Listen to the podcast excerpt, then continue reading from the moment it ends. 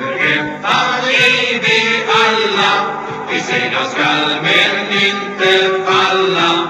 Det orden bör vi alltid minnas. Och ni ska se Eh, MFF-are är vi alla och eh, välkomna till den här podden. Eh, Tapper Eh, med eh, legendaren Staffan Tapper i huvudrollen och själv heter jag Micke Sjöblom som samtalar med Staffan. Eh, vi skulle idag gjort en podd om målvakter med fokus på Malmö FFs målvakter och har förberett anekdoter och så kring det. Men vi nåddes av ett tragiskt besked här precis nästan innan vi gick in i studion för att spela in det här. Och, ja, vad var det vi fick reda på Staffan? Det är så här att eh, en av våra kära fotbollsvänner och lagkamrater Bosse Larsson har gått bort. Och vi fick eh, beskedet här på morgonen från, från MFF.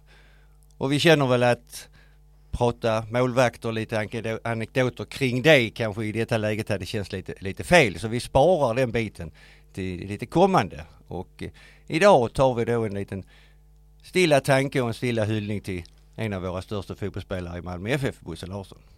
Det gör vi. Eh, och eh, ja, du och jag Staffan och eh, Anders Ros som har jobbat tillsammans med kring, kring, kring böcker. Vi, vi gjorde ju faktiskt en, en hyllning till, till Bosse Larsson för några år sedan och gjorde en, en gigantisk bok som heter Bosse. Och vi, vi har den framför oss här med, med fakta och härliga bilder och så. Men eh, kanske ändå bara en öppen fråga till dig Staffan. Hur, eh, hur skulle du minnas Bosse? Och så här bara några timmar efter, eller en stund efter beskedet. Här.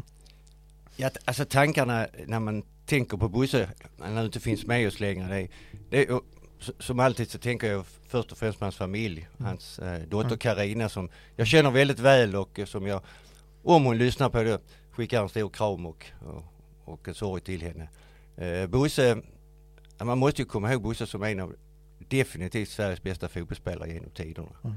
En, eh, en naturbegåvning som, som för mig jag har aldrig sett. Jag brukar ju när jag raljerar om hans fotbollskunskap alltid säger till er, tänk er att man har en lagkamrat som kan allt, gör allt rätt utan att veta varför. Mm. Och det låter kanske lite befängt men det, det är ju en gåva som är helt underbar. Och så just hans attityd till det när man levde med honom. Att han, han tyckte det var så enkelt. Han förstod liksom inte Mm. varför klydda till det på något vis när man kan göra det så enkelt ja. och så effektivt. Ja. Så att det är väl den biten jag har framför mig Ja. Som, som den stora fotbollsspelaren. Ja, just det. Ja, just det här att han liksom fungerade överallt. Vi har lyft fram några citat här från, från den klassiska vänsteryttern In- Ingvar Svan. Jag har aldrig spelat med en större fotbollstalang än Bosse. Jag kunde spela vänsterytter. Han kunde spela överallt. Det är ju en gåva som kom fram väldigt tydligt för Ja. när han började i MFF och växte upp i pojklag och juniorlag. Bosse är ju född 44 Mm. och jag 48 så att det var ju fyra års skillnad på oss. När han började komma upp och bli aktuell för A-laget så var jag ju nästan fortfarande pojklag och juniorlagsspelare. Mm. Men då kom han ju fram som en mittback, centerhalv som det hette. Och spelade det både i MFFs juniorlag och juniorlandslaget väldigt tydligt. Men man såg ju andra kvaliteter också.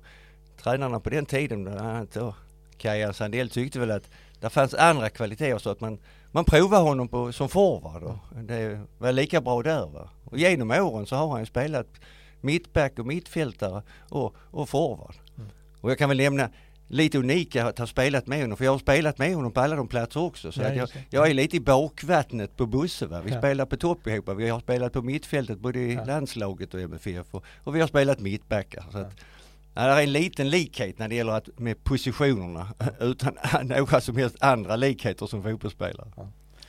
Eh, alltså han, han gjorde ju debut eh, 62, alltså över 60, 60 år sedan. Eh, mot brasilianska Flamengo gjorde mål efter 20 sekunder. Var, var du där och såg du det eller, hur- eller hur minns du det? Jag har försökt eh, ta tillbaka. Jag minns att jag tog autografer av brasilianerna. Ja, okej. Jag kommer inte ihåg Busses Nej. mål men jag kommer ihåg man, man skrev om det och det blev Ja. väldigt, väldigt uppmärksammat. Ja, Eh, ja. Eh, Och det var ju den här biten också som man tittar på de bilderna, den här effektiva biten. Man kommer igenom, man kommer fri, Mm. man bredsidar bollen sidan om målvakten i mål. Va? Och sen tar man i hand han som gratulerar en och så går man tillbaka. Det är den här typisk bussemål och bussegest som, Mm. som alltid har etsat i mitt minne. Mm. Just det. Alltså han var ju en stor målgörare. Han vann ju skytteli- allsvenska skytteligan tre, tre gånger och, och så. Men samtidigt så är det ju egentligen inte så man minns honom som, som spelare utan det är ju liksom den fantastiska ja, strategen och, och, och, och så, hörnor och ja, allt möjligt. Men ändå var han ju en sån fantastisk målgörare. Ja, det är sällan man hittar en sån Ja. komplett fotbollsspelare. Just, att, just det här att man kan- ha honom överallt. Jag förstår för- förbundskapten och bland annat då Åby som sa att ja, man kan ha 11 Bosse Larsson. Mm. Ska man raljera om det så man kan ju inte ha 11 Zlatan för Zlatan kan ju i princip bara spela på topp och göra mål. Men Bosse kunde ju vara överallt. Mm. Det finns en annan spelare som också tyckte jag hade ett eh, goa uttalanden om Bosse som heter Roland Grip. Som spelade vänsterback i landslaget under 60 och 70-talet. Och han spelade då Bosse som man kallar på vänstersidan. Roland Grip han brukar säga att han gjorde över 50 landskamper, väldigt anonym spelare. Jag hade aldrig spelat någon landskamp om jag inte hade Bosse Larsson sidan om mig, sa han. Och där, där ligger mycket i det. Han, han var inte bra själv utan han gjorde ju laget och många andra spelare bra också som följde med i hans skicklighet och hans attityder. Det var väl till och med så att i något, i något VM så spelade, så konkurrerade Bosse ut eh, den g- giganten Björn Nordqvist eh, på, på en position som han inte spelade så ofta i, i sin så att säga riktigt eh, aktiva karriär, det vill säga som ja, mittback skulle vi säga då. Ja, det är inför VM 74 Just det. då Åby Mm. hade väldiga betänkligheter hur vi skulle spela. Det var ju Mm. en taktisk bit också här med vilket system. Och Åby ville ju spela lite grann med vad man kallade libero på den tiden. Och jag tyckte han inte Björn Nordqvist riktigt. Han var mer en markerande ordinär centerback. Men Bosse kunde spela överallt. Så första matchen i VM 74 när vi möter Bulgarien så spelar Bosse libero Mm. och Björn Nordqvist är petad. Ja. Och det var inte bara att han gjorde den här förändringen. Det var ju också så att Åby själv var ju Norrköpingskille och Björn Nordqvist spelade i IFK Norrköping. Så att. Mm. men det var ju en generation spelare som accepterade detta på ett positivt sätt utan något och gjorde det bästa för att vi skulle ha framgångar ändå. va. Mm. Men det passade Bosse bra. Han, han trivdes där också. Eh, och när man nämner Bosse så kan man inte låta bli att, att nämna Lasse, Lasse Granström som ju eh, de två under, under ett par år i alla fall som, ja, ska vi säga att de dominerar allsvenskan. Ja, tittar man på det året han vinner skytteligan, eh, det är väl 65 när han gör 28 mål. Ja. Och eh, spelar då vad man kallar radarpartner med Lasse Granström. Lasse är ju eh, året äldre än Bosse. Just det. Mm. Och eh, ja, men de spelar ju center vänsterinner som man kallar det. Eh, Bosse fick bollen och passade Granström. Han höll i den lite och väggpassade igenom och så gjorde Bosse mål. Man får inte glömma heller, Bosse gjorde 28 mål men Lasse gjorde 12. Så tillsammans gjorde de 40 mål. Det, det går inte att förlora allsvenskan Nej. om man gör 40 mål. Sedan blev de ju båda proffs. Just det. Eh, Bosse for till Stuttgart och Mm. Lasse for till Karlsruhe tror jag. Eh, de avslutade det året också i 65 och spelade en landskamp ihop. Och mötte Cypern borta. Och där gjorde de mål också båda två. Eh, till och med Lasse gjorde två mål tror jag. Så. Och det var den enda landskampen som Lasse Granström gjorde. Bosse gjorde ju fler landskamper sen. Båda kom ju tillbaka till MFF. Eh, Lasse kom tillbaka lite tidigare och sen kom Bosse hem efter tre år i Stuttgart. Just det. Mm. Ja, så han är ju en, hem, en hemvändare också. Vi pratar mycket om hem, hemvändare nu för, nu för tiden. Men det är, ja, det är ju Lasse Granström också. Men, men Bosse framför allt som vi hade säkerligen haft stora möjligheter att gå vidare i, i, i Europa till eh, ja, både stanna kvar men också bli till ännu större klubbar.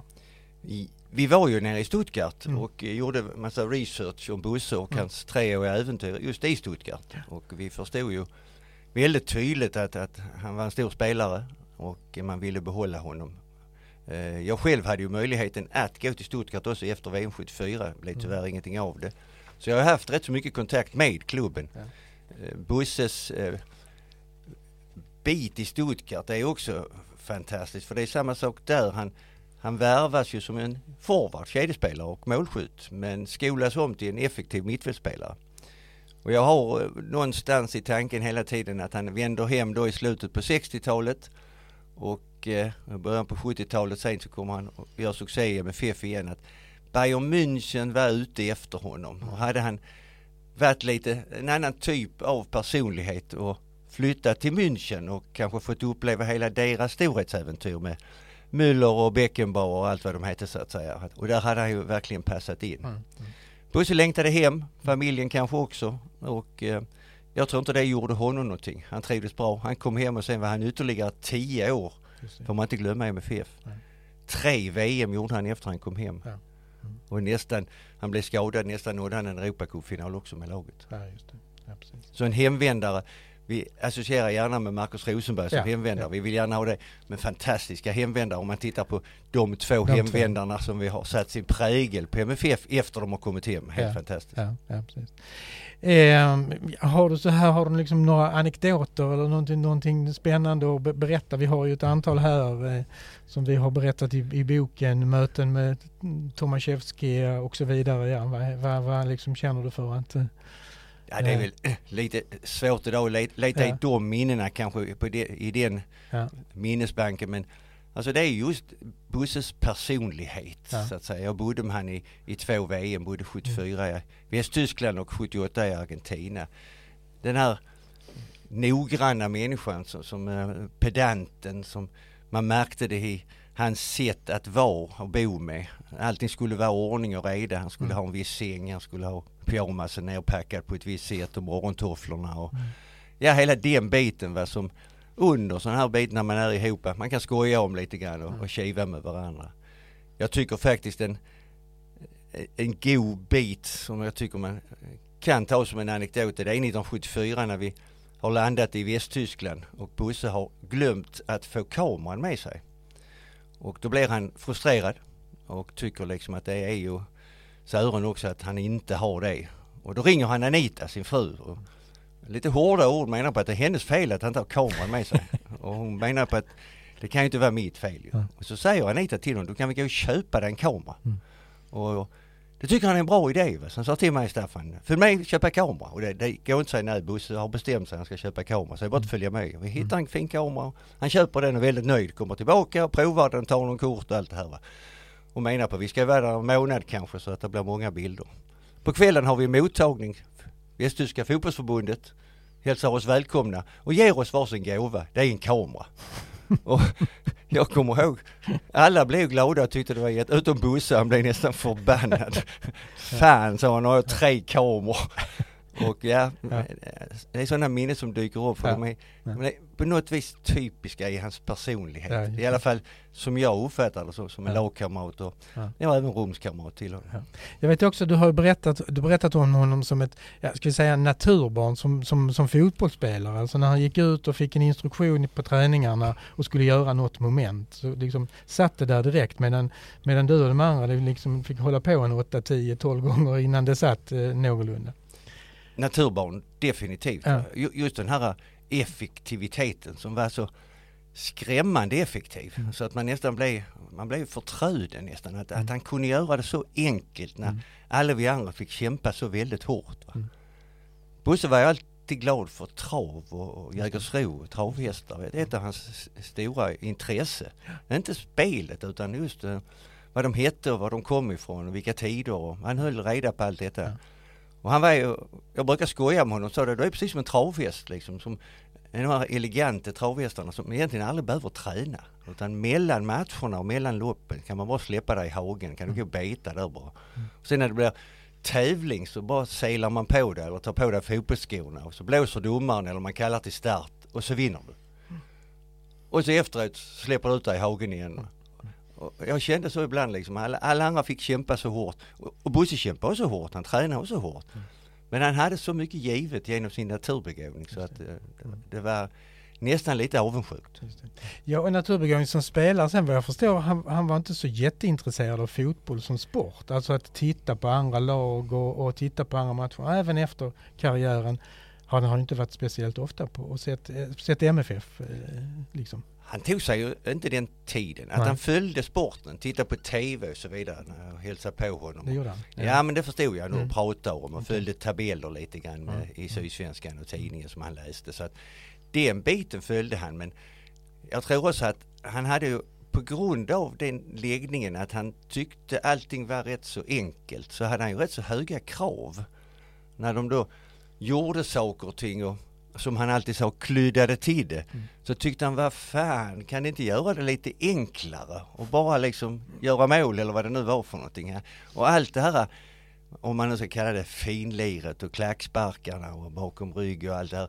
Det var ju inte Busses stil alls. Alltså han, han tyckte liksom att fram med bollen, fram med mål och gör mål och sen eh, med avspark igen. Alltså, allt det andra. Han kunde titta på det och tyckte det var imponerande men han, det var liksom inte hans stil alls. Ju. Så att eh, ju mer fotbollen utvecklades på den biten så, så tror jag han tyckte det blev tråkigare och tråkigare. Mm. Och, och, efter karriär, efter fotbollen är slut, har, har, hur mycket kontakt har du haft med honom? Så?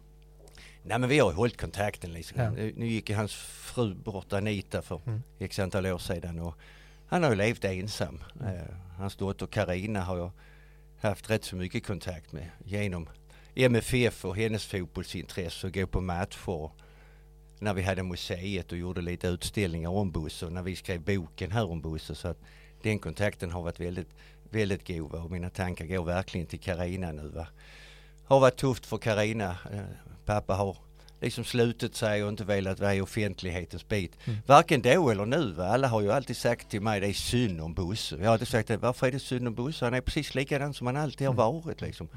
Han vill inte ha de kontakterna. Vill han inte gå på match så låt han inte gå på match. Liksom. Varför, varför, ska vi alltid säga så om Bosse? Låt Bosse vara i fred och leva sitt liv. Jag har tyckt det varit en viktig bit i min kontakt med honom. Jag har ringt och pratat med honom. Han är en av de få som fortfarande har ett 040-nummer hade han. Och så svarar han ju alltid Larsson. Och sen så efter en stund så är han trött på mig och så har han något annat att göra. Men för mig har Bosse hållit sin identitet i hela sitt liv. Bosse har alltid varit Bosse för mig. Ja, eh, ja bra Staffan. Eh, någonting avslutande ord om, om, om Bosse här. Vi kommer kanske tillbaka till det och vi kommer tillbaka till den här målvaktspodden också senare. Men det är någonting som du vill Nej, men, avsluta innan vi... Ja man kan väl säga så. Vi fick ju den här nyheten bara för någon, någon timme sedan. Mm. Och detta är ju en väldigt improviserad bit vi har Verkligen. gjort. Men, inte minst för att en hyllning till Bosse och, och en, så att säga, en tankar till hans familj och inte minst till Karina så att säga. Men också så att säga i, komma ihåg Bosse i allt det han har gjort för oss så att säga. Både på och utanför plan som en nära vän och en kär kamrat och rumskamrat och mm. omklädningsrummet där man satt sidan om varandra i tio år. Va? Det, det sätter ju sin prägel helt mm. klart. Va? Så man har ju många minnen och många, många anekdoter som, som, som dyker upp här i, i tankarna och, och i sorgen och tårarna. Så att, eh, ja, jag minns Bosse som en, den personen som han var på plan var han likadan alltid. Han är, han är oförglömlig för mig. Mm. Ja, det är stort, stort tack eh, Staffan för att du hade möjlighet och orkade ställa upp och prata här en kvart, 20 minuter om eh, Bosse. Så att ja, vi avslutar väl där med de orden och som sagt tankarna till Karina och övriga nära, nära och kära. Eh, så eh, avslutar vi där ja. Staffan så kommer vi tillbaka med eh, målvakterna ja, någon gång. Vi, vi, vi får se hur det blir. Nu har vi helger och så framför oss. Ja, vi får se. passar väl på även i sorgens stund och önskar, önskar alla våra alla, lyssnare god jul och, och gott nytt år. En god jul och ja. ett gott nytt år så, så hörs vi på det nya året. Yep. Stort tack Staffan. Tack själv. Tack.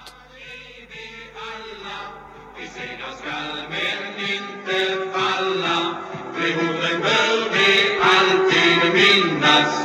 Vi ska se då det grå Vi står som en för klubben alla.